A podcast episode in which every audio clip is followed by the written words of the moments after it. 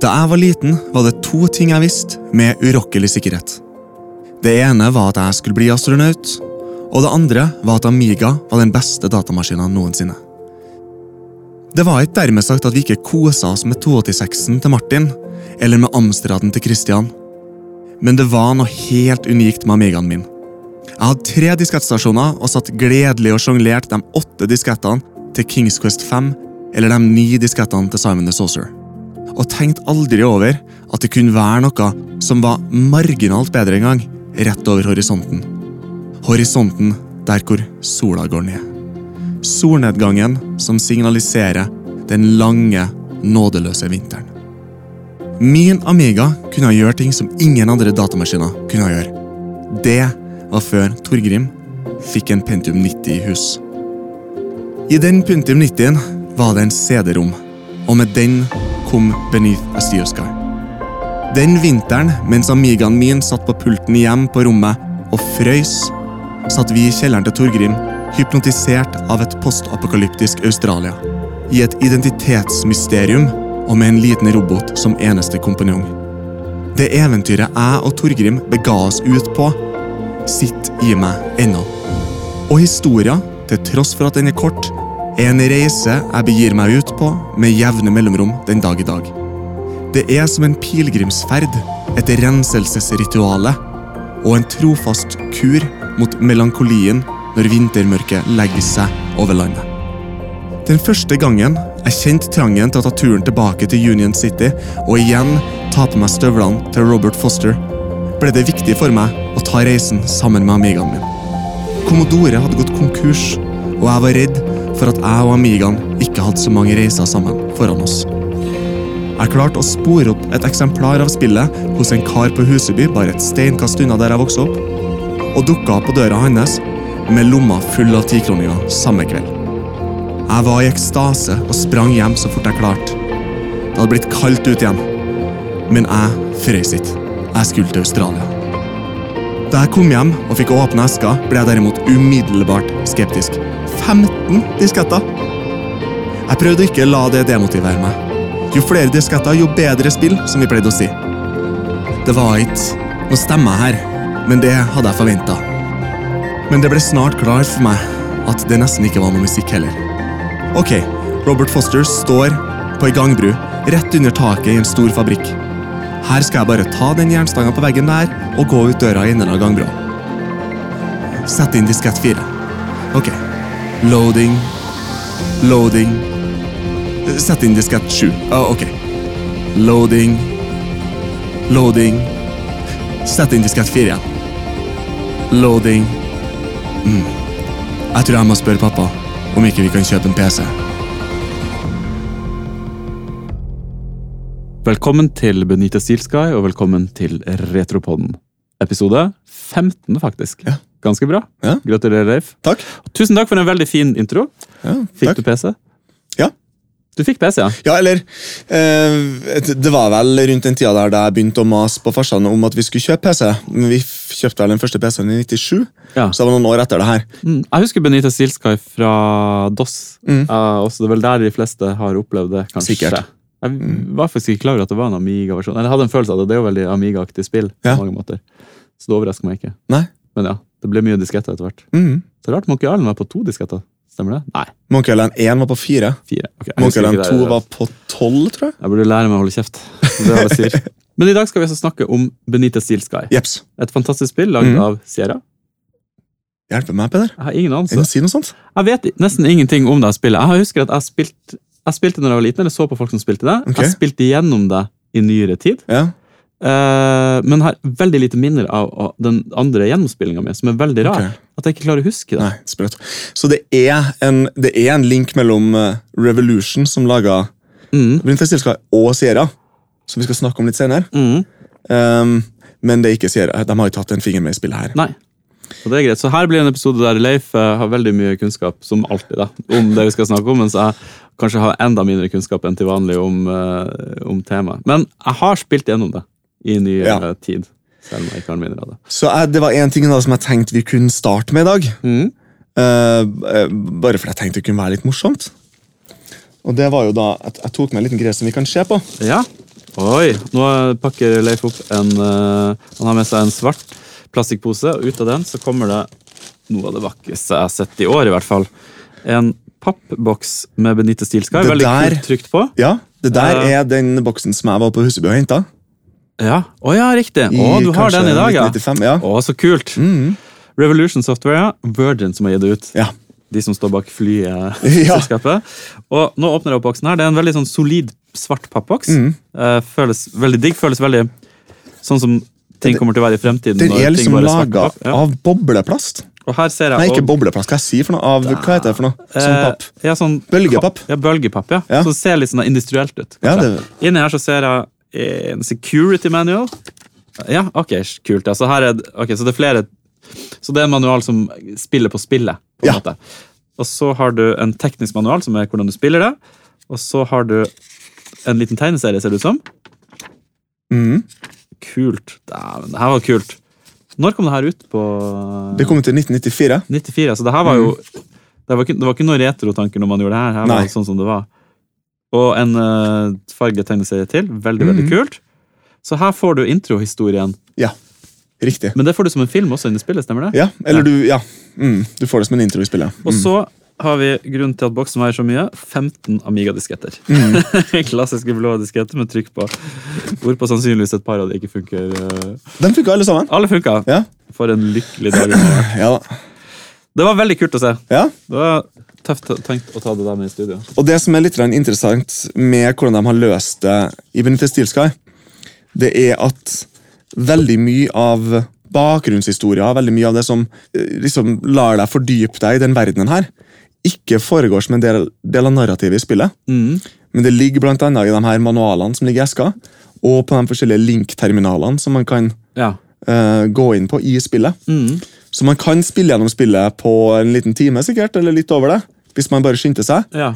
Eller så kan man på en måte sluke hele verden og bruke masse tid på å sitte og lese. Det er litt sånn som mange moderne spill i dag. Sånn som. Fallout 3, blant annet, at du Mm. kan gå inn i terminalene og lese. Uh, jeg husker, når jeg gjenspilte spillet, så husker jeg det som altså På 90-tallet, når det kom ut, jeg så på det, så virka det veldig komplisert av en eller annen grunn, for det var ikke så tegneserieaktig grafikk som f.eks. Monkey Island. da. Nei. Det så ikke like barnlig ut, det så litt, litt mer ut som en voksenverden, kanskje. Mm. Eh, men når jeg spilte det igjen, så husker jeg at jeg ble veldig dratt inn i historien. Jeg trengte ikke så mye å google så mye hva skal jeg gjøre. Det var litt, litt lettere å Mm. komme seg rundt. Kan det stemme? Ja, det er ikke et spesielt utfordrende spill. Nei. Men at historien var suggererende, at du ble med på det og hadde lyst Mm. til å, å spille videre og finne ut hva som skjedde. Ja. Og så er det jo Jeg, mm, mm, jeg syns at det er et veldig det er et veldig godt puzzle design Mm. i spillet, som Revolution alltid har vært veldig god på. Man ser det i de spillene de ga ut senere også, Broken Sword-spillene. At uh, selv om enkelte av gåtene kan være ganske intrikat, så er ikke noe det er ikke noe absurditeter ute og går Mm. på hvordan det skal løses. Og det er i motsetning til en del andre point and click adventures som da hadde ekstremt rare ting du måtte kombinere. Altså, Ja. Jeg kan huske man måtte gå rundt på hele brettet og prøve alt med alt. Og Mm. plutselig var det en tilfeldig rar ting som funka Mm. uten at Og så hadde du bare brukt, til. En gang så hadde du bare brukt feil verb. Ja, sånne ting. liksom. Så det her var litt Vi er i 94. Nå Mm. begynte det å bli litt spillene skulle spilles mer enn at de skulle slåsses med, Mm. kanskje. Man Ja. kan si. Og så kan man også nevne da i den forbindelsen at Revolution, så vidt jeg vet i hvert fall, var først ut med eh, point and click adventure-spill som, som ikke hadde eh, noen andre funksjoner enn høyre og venstre musknapp. Mm.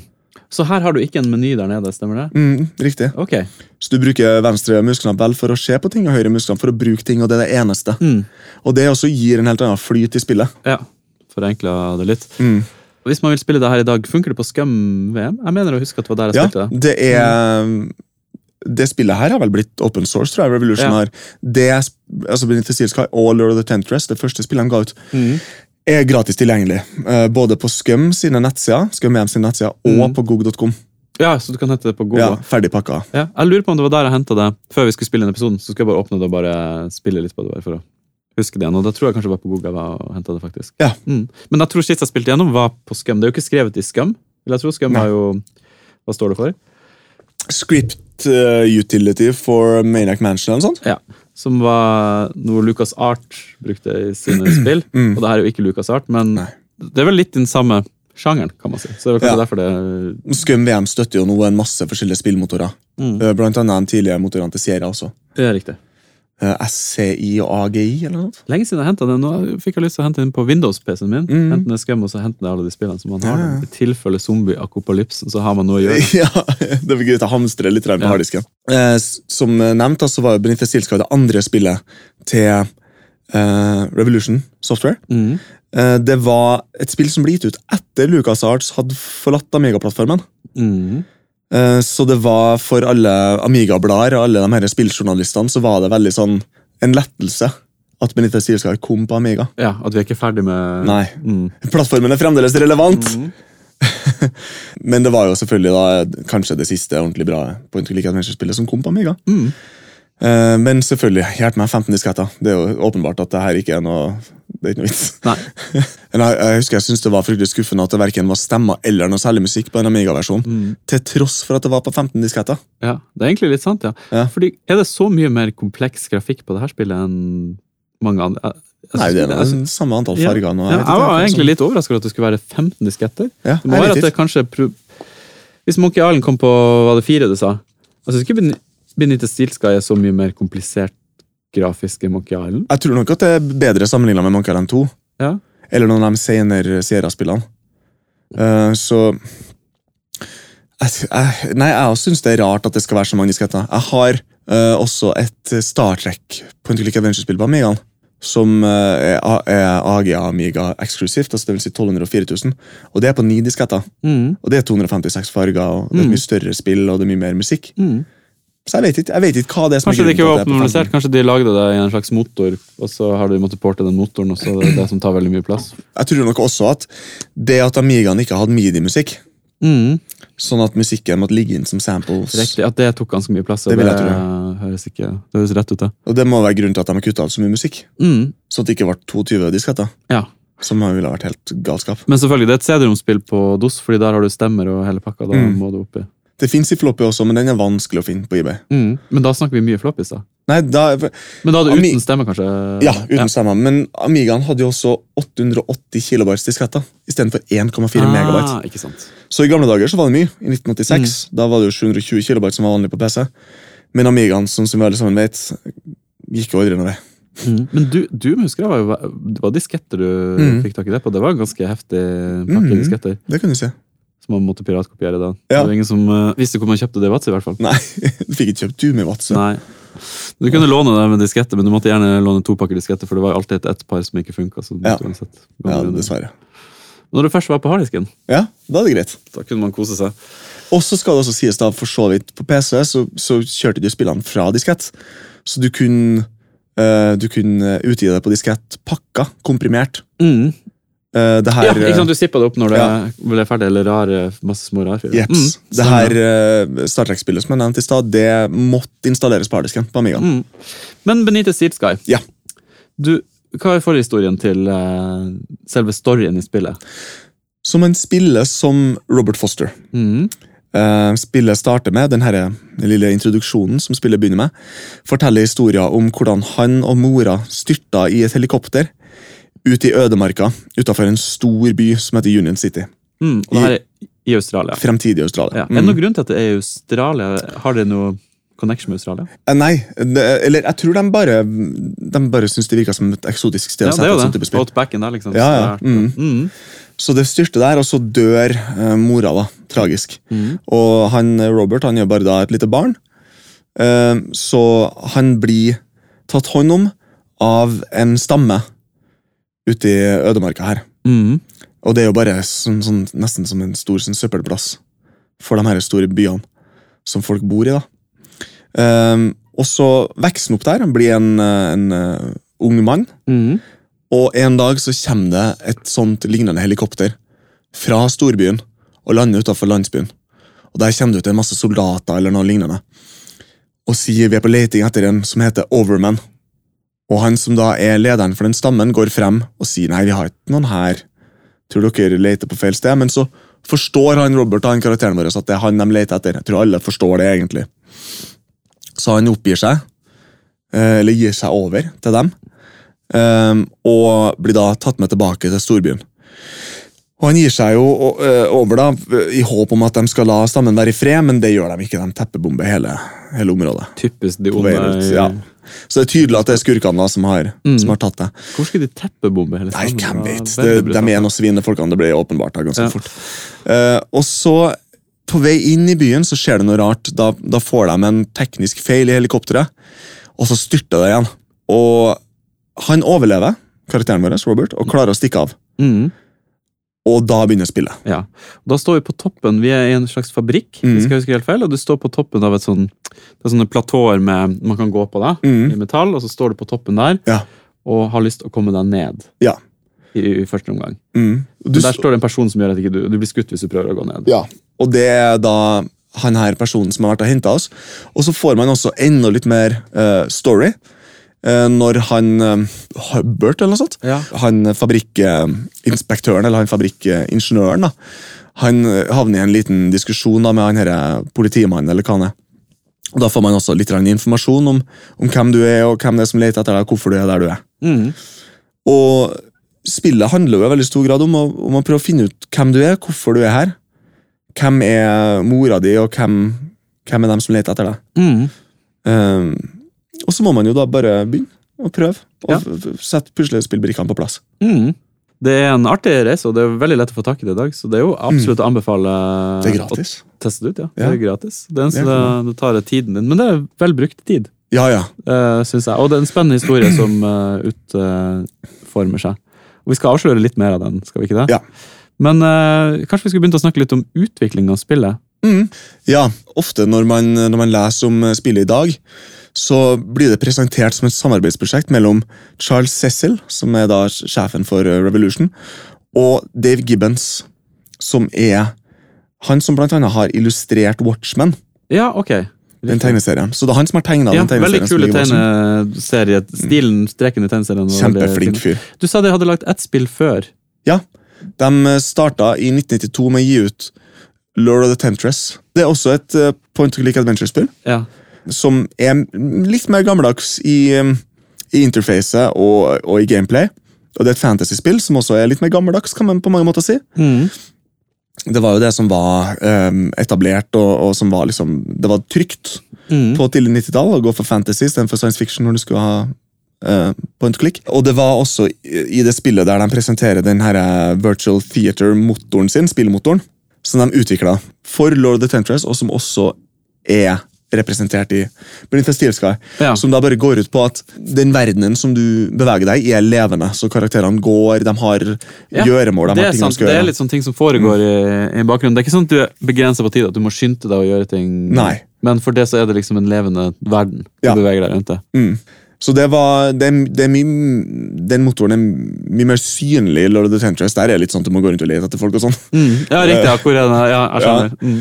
Um, så de, de starta med, med, med Lord of the Tentress. Og så var neste spillet deres, eller det neste de jobba med, for så vidt da bare for å gå litt tilbake i tid, var eh, Amiga-porten av Kings Quest 6. Riktig. Som da er linken til Sierra. Mm. Så hvis man har vært Amiga-bruker og prøvd å spille Sierra-spill, så er man sikkert vant til å irritere seg over hvor utrolig eh, dos de er. Mm. Eh, vi alle sammen vet jo at Amigaen var i stand til så mye mer. Så Kings Quest 5 og Space Quest 4, spesielt Space Quest 4, ser legendarisk grotesk ut på Amiga. Men sekseren ble fin, da? Sekseren er nydelig. Ja, Så det var Revolution som Ja, Det er Revolution som står bak den, den porten. Så var Amiga deres plattform, på en måte? Ja, Amiga og Atari ST var liksom det de hadde spesialisert seg på. Direkte. Så Dossen var liksom eh, på, på grunn av at det var det som var populært nå? At Ja. du måtte ha det at de, Riktig. at, at de la det der? Ja. Så de, eh, de var veldig gode på, på Amiga-plattformen, og det ser man på Benitez Steel Sky også. VGA-versjonen av Benitez Steel Sky ser nesten likeens ut som Amiga-versjonen. Ja. Bare pga. at de var veldig gode på å bruke de fargene de hadde tilgjengelig. Da. Men så var da Benitez Steel Sky neste prosjektet. Charles Cecil han hadde kjent Dave Gibbons ei stund. Uh, han hadde lyst, uh, Charles Cecil jobba litt i Activision før han starta sitt eget selskap, og hadde lenge uh, lekt med tanken på å ha et samarbeidsprosjekt med Dave Gibbons. Men det ble bare aldri nav av, så når de starta Revolution, så ble det liksom en greie. Vi må få Dave Gibbons til å jobbe på et prosjekt.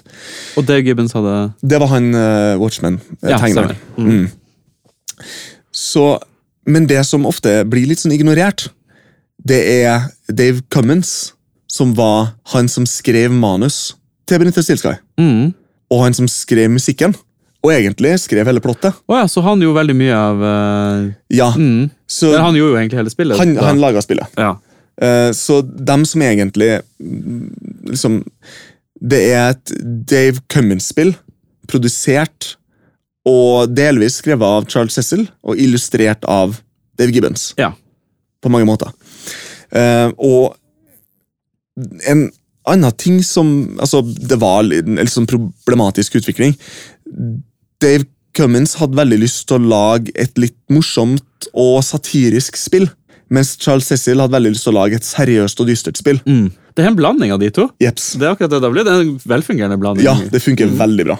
Og det, man merker det veldig godt i spillet. at Det var en- altså det, det, det, det et spill som nesten blir slettet litt sånn i Ja. begge retningene. Krangla de, liksom? Om, Eh, Ja, mm. De var gode venner og var ikke det noe lenger etter spillet var ferdig utvikla. Og det, det kan vi snakke litt om etterpå. Men uh, jeg syns jo at den konflikten dem to imellom har hatt en positiv effekt på spillet. Mm. Fordi det er et litt corny univers, med veldig mye sånn skarp og morsom satirisk dialog, Mm. men som har en veldig dyster undertone Mm. hele veien.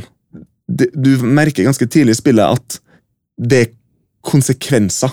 Det er ikke et lett univers å leve i. Og hvis det ikke blir veldig tydelig den første gangen du blir skutt, eh, så blir det i hvert fall tydelig eh, litt senere ut i spillet når du finner den eneste andre menneskelige karakteren, Anita, hun dama som man møter i spillet. Mm. Man finner hun drept i et skap eh, ned i en kjeller. Ja, Bare, stemmer. mm. bare kasta bort, liksom. mm. Da blir det veldig sånn her Jeg, jeg husker det, det var en scene som gikk veldig inn på meg da jeg så det første gang. Fordi du farter jo rundt i, den, i denne verdenen og, og prøver å, å sette brikkene på plass, og, og du møter veldig mye rare, corny karakterer, og så møter du hun som har veldig mye ekte å si om Mhm. den situasjonen de lever i.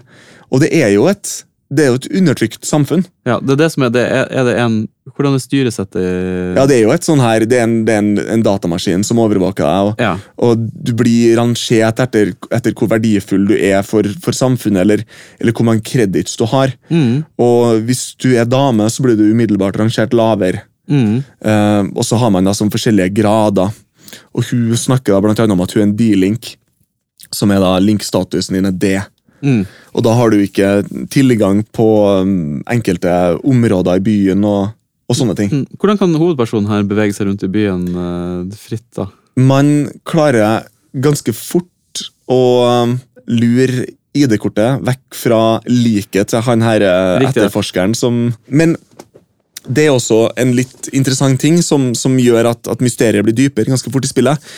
Han karakteren som er på jakt etter deg, eller han som du tror at er skurken Med en gang man kommer seg ut av denne fabrikken, så blir man satt i et hjørne av han, og han trekker pistolen på deg. Mm. Og så sier han ja, nå, nå kommer ikke jeg unna igjen. Og så får du en følelse av ok, nå har jeg, nå har jeg havna i knipa her, han kommer til å skyte meg. Men så er det et kamera oppi taket der som skyter den pistolen ut av hånda på han. Mm. Og så sier han eh, Nei, men hva, hva, hva, hva det du driver med? Er det ikke meningen at vi skal ta en kisen her? Jeg trodde handla på dine ordre, liksom. Mm. Eh, vi kan ikke la han slippe unna. Og så tar den her, det kameraet og skyter en stråle på en kissen, så han bare blir revet i to. Ja, riktig. Mm. Så det, er det noen som beskytter det her, kanskje? Eller er det Ja, hva som så det er det som Mm. blir spørsmålet. da. Hva i alle dager er det som skjer? Og det er jo det han karakteren sier også. Hovedrollen vår, som Robert, sier hva er det som skjer? Mm. Det her er helt sprøtt. Og så tar man ID-kortet og solbrillene hennes, Ja. og så går man ut i verden. da. Mm.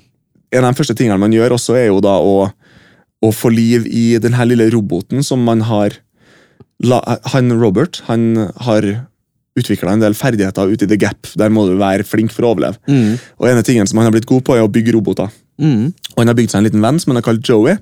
Og en av de siste tingene han gjør før han forlater The Gap, er å ta ut kretskortet Mm. til Joey. Så han setter det inn i en ny robot når han kommer til Union City, denne byen som vi lander i. Og så har du da en følgesvenn. Ja, så du har en robotvenn som Ja. eh, Og Joey har også en del interessante observasjoner underveis. Og er en, er liksom en NPC eller en, en følgesvenn da, som faktisk er interessant. mm. og litt sånn grei å ha med seg. Man føler ikke seg så ensom, og han er, litt sånn, han er en artig Mm. karakter. da. Mm. som hjelper deg med ting. Og så kan du ta ut et kretskort og sette inn i nye roboter underveis ettersom hva du er nødt til å få han til å gjøre for deg. Ja. Så det er kult, en kul liten løsning. Mm. Hvilket år var det spillet kom ut? Det kom ut i 1994. 94, og det begynte vel utviklinga sikkert et par år før? Mm. Ja. vil jeg tro. Det tar litt tid. starta ganske fort etter etter uh, de eh, pumpa ut uh, Kings Quest. Ja. Var det bare de tre som lagde, eller hadde de noen utviklere med seg? Det var et lite team, Uh, men et overraskende lite team for den tida. Mm. Når man ser på de uh, teamene som jobba på Sierra og LucasArt, så var det jo svære grupper med folk. Mm. Men på Revolution så var de seks, fem eller seks folk Mm. som gjorde alt sammen. Hvor, hvordan ble det tatt imot når det Veldig varmt. Veldig varmt, ja. Ja. Fordi vi er i 1994. Mm. Eh, Point and click adventure er, er er en populær sjanger, men er det Mm. litt på vei ut, eller? Nei, jeg tror det Eller fremdeles på toppen, liksom? er på høyden, ja. Vi er et par år etter, eh, etter Monkey Island 3 kom ut, og vel rundt den samme tida som som Sam Max Ja. og kanskje Så, så vi, er, vi er på DOS, vi er ganske tidlig DOS i hvert Mm. fall. Eller DOS gaming er liksom der, Ja. og vi- de- de 3D-spillene har så vidt begynt å komme. Så det kommer jo egentlig ganske fint tima Ja. når det treffer. da. Definitivt. Men, men det fikk gode anmeldelser, ja. Ja, veldig, veldig bra. Mm. Det ble en kjempesuksess for Revolution. Uh, altså, mener jeg, Det ble bøndla med masse CD-rommer. liksom. Ja, riktig. Det altså det her var liksom mm, Kjøp deg CD-rom, så kan du spille der. Ja, ja. Veldig, veldig bra. Uh, og det, det solgte også bra på Amiga, Mm. siden det, altså, folk var interessert i et bra point and click adventure-spill. Og det gjorde også at Revolution hadde nok penger til at de kunne eh, lage Broken Sword Ja, noen år etterpå, som kom i 96. Mm. Som blant annet ble gitt ut på PlayStation. Ja, såpass, ja. Og når man ser eh, Broken Sword-spillene i dag, så er det nesten utrolig at man kunne lage et så eh, polert point and click adventure-spill. Hele det spillet ser ut som en animasjonsfilm. ja. Jeg har ikke spilt de spillene. tatt. Er det gode spill? Megabra. Ja, Jeg har hørt om det. Det er et navn som man uh, hører ofte. Ja, Mm. Broken, Broken Sword 1 og 2 er, eh, sammen med Benito Stilska, mine favoritt Ja. kanskje spill. Så det er absolutt verdt å sjekke ut. Uh, Ja, ja, altså Bare helt magisk. Utrolig bra. Mm. Så gode anmeldelser. Var det gode salgstall da? Ja, de solgte bra. Mm. Uh, de, alle spillene til Revolution solgte veldig bra, men når, når 3D kom, og point of click adventure-spill-salg generelt begynte å dempe seg litt, så måtte Revolution også gå over til 3D. Eh, det er jo egentlig da utenfor det som vi skal snakke om. Vi vi har ikke laga Broken Sword-episoden vår, ja. Mm. men uh, de senere Broken Sword-spillene er 3D-spill. Eh, men eh, Ja, og da fattigere for det, syns jeg. Ja. Men Stilska har solgt veldig bra, eh, og gjorde at de kunne uppe budsjettene på de neste spillene sine. Mm. Og, og øke uh, teamene Mm. med animatører. S- eh, Broken Sword, bare for å spørre, solgte det bedre enn Benitez Silka? Er Ja. Benito Silka ikke deres største suksess? Nei, nei, Broken Sword uh, solgte bedre. Ja. For meg er jo Benitez Silka mye mer kjent, men uh, sikkert mange andre som har Jeg tror sånn, sånn altså, Benitez Stilska er jo blitt en bauta i sjangeren. mm. Jeg mener jo at man helt fint kan argumentere for at det er en av dem, liksom, at det er en av de tre store adventure-spillene. Mm. Sammen med, med Monkey Island og Kings Quest 1. Ja. Ja, En bauta i sin tid, Mm. og i sin sjanger, da. Vil du si at den er verdt å spille gjennom i dag? Å ja. I Ja, aller ja, ja. ja, ja, ja. Hjelpe meg. Eh, Det er et spill som har holdt seg veldig bra. Det var Det var uh, det, det satt uh, en ny eh, benchmark for, for spillbarhet i Ja. pek og klikk adventure-spill. Det er veldig digg å spille det, lett å komme seg rundt. Mm, Det er veldig polert på en god måte. mm. Det er veldig bra musikk i det. Det er eksepsjonelt bra musikk. Og jeg mener å huske det er veldig fint lyddesign. Ja. i det. At det er lydeffekter på det aller meste du Ja. gjør. Det er du plutselig kunne ha siden du hadde CD. da. Og en annen ting som jeg syns eh, kanskje har gjort at spillet har holdt seg veldig godt, er at det er en veldig original setting, og det er en veldig, det er en veldig flesja utsetting. Det er, det er veldig mye plott og verdensbygging der. Mm. En av de tingene du kan gjøre når du får det stålige ID-kortet, er at du kan gå inn i link-terminalene. Men link-terminalen er som sånne små midjebanker der du kan gå inn og hente informasjon. Og du kan også eh, flytte over penger til og fra kontoer, alt ettersom hvilken link-status du har. Og En av de tingene du kan gjøre, er at du kan lese nyheter fra Union City. Mm. Og Da blir det fort tydelig at det er andre sånne byer og de er i konflikt både militært og politisk med hverandre. Uh, og man kan lære veldig mye om, om situasjonen. Og man kan lære, man leser alt sammen Det er veldig tydelig at det er propaganda. Og det er også litt interessant. Mm. Og når man vet det, så kan man se gjennom det. på en måte. Mm. Eh, så De har gjort en veldig god jobb der, i hvordan det er skrevet, eller Dave Cummins har gjort en veldig god jobb i hvordan han har skrevet det. Mm. Så det er mye tekst som ligger bak hele spillet. Ja, du kan gå ut veldig mye. mye mer. Så sånn begynner eventyret. Jeg synes det er artig å høre, for du har alltid satt deg inn i tech-specs, altså hva du trenger av maskinvare for å klare å spille det. Tex-Mex. Ja, Tex-Mexen, har du den der? Ja. Så på Amiga, utrolig nok, så kan du spille spillet her på en eh, Amiga 500. Uten ekstra minne? Du, ja, Så lenge du har 1 megabyte ram. Ja, du må ha mine. Mm. Altså, i, du, altså, det, det står ofte Amiga 500 2000, eh, som enten betyr at du må ha 1 megabyte ram, eller betyr at du må ha 1 megabyte chip-ram. Jeg mistenker at du kan spille spillet her på en Amiga 1000, men det har ikke jeg sjekka. Ja. Men la oss si 500 2000, da. Mm. Så du kan spille på en 1987 eh, Amiga med 1 megabyte ram. Hvis du har uh, spillet harddisk installert, så må du ha 1,5 megabyte ram. Okay. På PC så trenger du en 386. Å ja, du får ikke det her på 2.6 også? Jeg er ikke sikker på om det stemmer. Jeg, jeg kan ikke skjønne at du ikke skal klare å spille det her på en 286. Jeg tror kanskje det var en Pentium Ja, Det er jo spilte på. 1994, liksom. Så det kan hende at de bare Men altså, spillet i seg sjøl burde du kjøre på en 2.6. det er Sånn skulle tro det. Ja. Men det kan hende at det er noe med bare mm, prosessorarkitekturen på 386 som Ja. gjør at du krever det. Mm. Det vet ikke jeg. Men i 94 så hadde folk en ja, det er sant. Eh, Så det krever en 386, 2 MB ram, 4 MB hvis du har CD-rom-versjonen, og DOS 3,3. Ja. Det støtter bare VGA eller MCGA-grafikk. Så ingen EGA-versjon her. Mm. Ganske høye Ikke 94, riktignok, men for sjangeren ganske høye specs, mm. kan man tenke. Høyere Ja, egentlig høyere enn det man skulle tro når du ser på grafikken. Ja. Men jeg tror ingen hadde hatt noe problem med å kjøre det i dag. Hvis man har lyst til å spille det. Nei. I dag så går det helt fint. Du kan spille på hva som helst. Linux, Mac, Har det Windows. kommet noe oppgradert? Har det kommet noen liksom HD-versjoner av uh... Det kom en iPhone-versjon i 2009.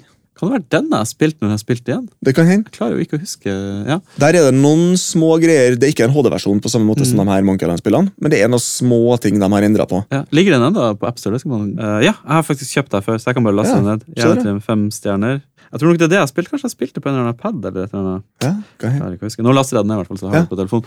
Det går for å være remaster, i hvert fall. ja. Men utover det så er, har det ikke kommet noen ny versjon av det spillet her. Så jeg, altså, med min, altså, jeg vet ikke om det her blir tydelig men Benita Stilska er mitt favorittspill noensinne. Det, er det, det, er det, det er det spillet som Det er det beste spillet jeg har spilt i mitt liv. Så det er så høyt oppe på lista di? Ja, ja, det, er derfor du har hatt så lyst til å lage denne episoden? Ja, Ja, skjønner jeg. Mm. Ja. Det er mitt nummer én dataspill. Punktum. Men ehm, det har akkurat blitt annonsert en oppfølger. hva kødder du med? Nei.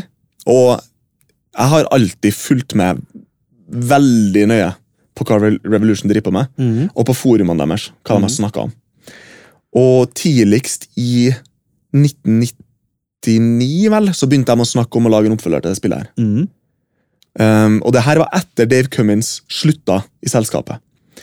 Så han, og det her er da han som har skrevet spillet, sammen med Charles Cecil. Uh, som vi snakka om tidligere, så ble det forholdet dem to imellom det, det ble aldri det samme. Etter det spillet var ferdig utvikla. Mhm. Det var så turbulent, da. Så han var med og skrev A Broken Sword 1 og 2, som man ser i de spillene. Det er hans dialog her. Mhm. Eh, men så slutta han. Og det var, det var tydelig at det var på tide, Ja. på en måte. Eh, og i 99 da, så var det snakk om å, om å begynne utviklinga igjen, men, men de konkluderte vel med at uten han så Eller vi vet ikke helt det, vet ikke helt hva vi skal gjøre. Og, Mm. og Miste litt av sjela, da. Ja. Mm. men i 2014, vel, så begynte å, å Fordi da eh, hadde de Revolution Software en kickstarter på Broken Sword 5. hva, hva, hva, ja, riktig. De lager enda Broken Sword. Ja, ja, det det de, de pumper ut. Broken Sword-spill. Ja. De lager mye greier, Ja. så de har holdt det flytende. Mm. De har laga egentlig ganske mye interessante spill. Ja. opp igjennom. Ikke bare point click adventure-spill, men en del litt sånn actionspill. og sånn. Men det har alltid vært eh, eh, liksom adventure-spill Spillene deres som har vært liksom eh, det som folk har uh, lengta etter. Ja. Så i 2014 så hadde de en kickstarter på Broken Sword 5, fordi da hadde jo da Broken Sword 3 og 4 vært 3D-spill, og- men fremdeles point and click. Og så skulle de gå tilbake til 2D, og da trengte de litt ekstra penger. Ah, og de skulle gjøre litt sånn greier da. Så da var det snakk om å få tilbake Dave Gibbons, tror jeg, for, å, for, for han var også med involvert i Broken Sword 1 og 2. Eh, De skulle få tilbake han, og de skulle tegne litt sånn ordentlig bakgrunn og gjøre litt sånn kule greier. Og da var et av stretch-goalene, hvis det treffer så mye penger, det blir at det neste spillet blir Å, ja, 2. kult! Så de nådde ikke det stretch-goalet. Jeg tror de var liksom 50 000 norske kroner unna. eller sånt. Mm. Det var helt åpenbart at det var rett innenfor da. Eh, Og veldig mye folk var ganske sur. Mm, Fordi folk har drevet og bedt om et Splinter Cell 2 lenge. mm. Men da begynte det å bli litt sånn snakking på forumet om at ok, vi må åpenbart bare lage et Splinter Cell 2. Og da bestemte han Charles Cecil seg for at han skulle ta kontakt med Dave Cummins igjen. Mm. Så de er biter fine han skulle Ja. Mm, Og nå er det viktig også bare å ha nevnt her at de, har vært, de var gode venner mm, i mange, mange mange år. Og var liksom nære partnere i, i spillutviklinga. mm. I alle de største suksessene til, til Revolution. Uh, og hadde da på det tidspunktet ikke snakka sammen siden Dave Cummins slutta Mm. i selskapet. Og han klarte ikke å finne. Charles Cecil klarte ikke å finne Og riktig Dave Cummins. Mm, Og det ble en sånn svær greie på forumene. Hvor er han mm. Folk begynte å lete etter han, og- det var i flere måneder at folk drev og lette etter han, Charles Cecil drev og tok kontakt med, med liksom felles bekjente, og ingen visste hvor det blitt av han. Og så øh, fant ene forumbrukeren ut at han, Dave Cummins hadde flytta til Hull i England, Ja, oh ja. Og hadde dødd i Å 2008. ja. I 2008, ja. Ja, Ah, Så mange år tidligere. da. Så rart eh, at ingen hadde fått med seg det, på en måte. Ja, Det var veldig trist. Ja, Og Charles Cecil også syntes det var veldig trist. ja for han har jo da ikke fått closure på Nei. Og hadde jo da egentlig bestemt seg for liksom å begrave stridsøksa og få han tilbake igjen. Mm. For å få jobba med oppfølgeren. For, fordi han anerkjente jo at en stor, en stor del av det som gjorde at Blindestiska 1 ble så bra, var Dave Cummins sitt manus. Mm. Så han ville ha han tilbake. da. Og, og var, var forberedt på å svelge noen kameler, Ja. på en måte. Mm. For å få tilbake den magien. da. Eh, og da da hadde han, eh, Charles Cecil hadde delt da på Revolution sin nettside og tenkte jeg skulle lese opp uh, det her små linjene. Ja. Det blir på engelsk, da, så fare for at det blir litt kleint. så han skrev da As I have often said, Dave was a troubled genius. He may have been pretty damning of me, and we didn't always see eye to eye, but I totally respect and now miss his intelligence and talent. Det var på en måte hans, Mm. hans ord da til Dave Cummins. Men nå så kommer uh, Benita Steel Sky 2, Beyond a Steel Sky, ja. kommer i 2020. Mm.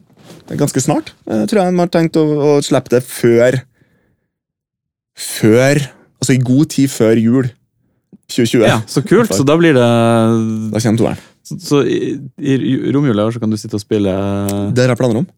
Hvordan, Vet du noe om grafikken der? Blir det Ja, ja, type- altså Det er gameplay-videoer alt mulig på Ah, nett. altså. Kult, så vi kan gå og se på det etterpå? Ja, Hvis du har lyst til å sjekke ut uh, Beyond the Steel Sky, så ligger det ut noen snutter der. Og det er, uh, ifølge Charles Cecil, da, uh, Revolutions mest ambisiøse og dyre spill noensinne. Ja, Så det her ser ut som et moderne spill? Ja. Er vi i 3D? Ja. Såpass, ja. Oi, det her blir Mm. veldig spennende, da. Ja, det, det ser ordentlig bra ut. Kult. Og det er, han sier også at det er Det er veldig et spill som er designa i eh, point and click-tradisjonen. Ja. Men det er et moderne ja, Så man Spill. må gå ut og finne noen objekter, sannsynligvis. Og, Ja, ja, helt sikkert. Tasse rundt og, Mm. og ja, manipulere link space. Ja. Det var trist Mm. å høre at han var død, han som har skrevet uh, Mm. manuset. Ja.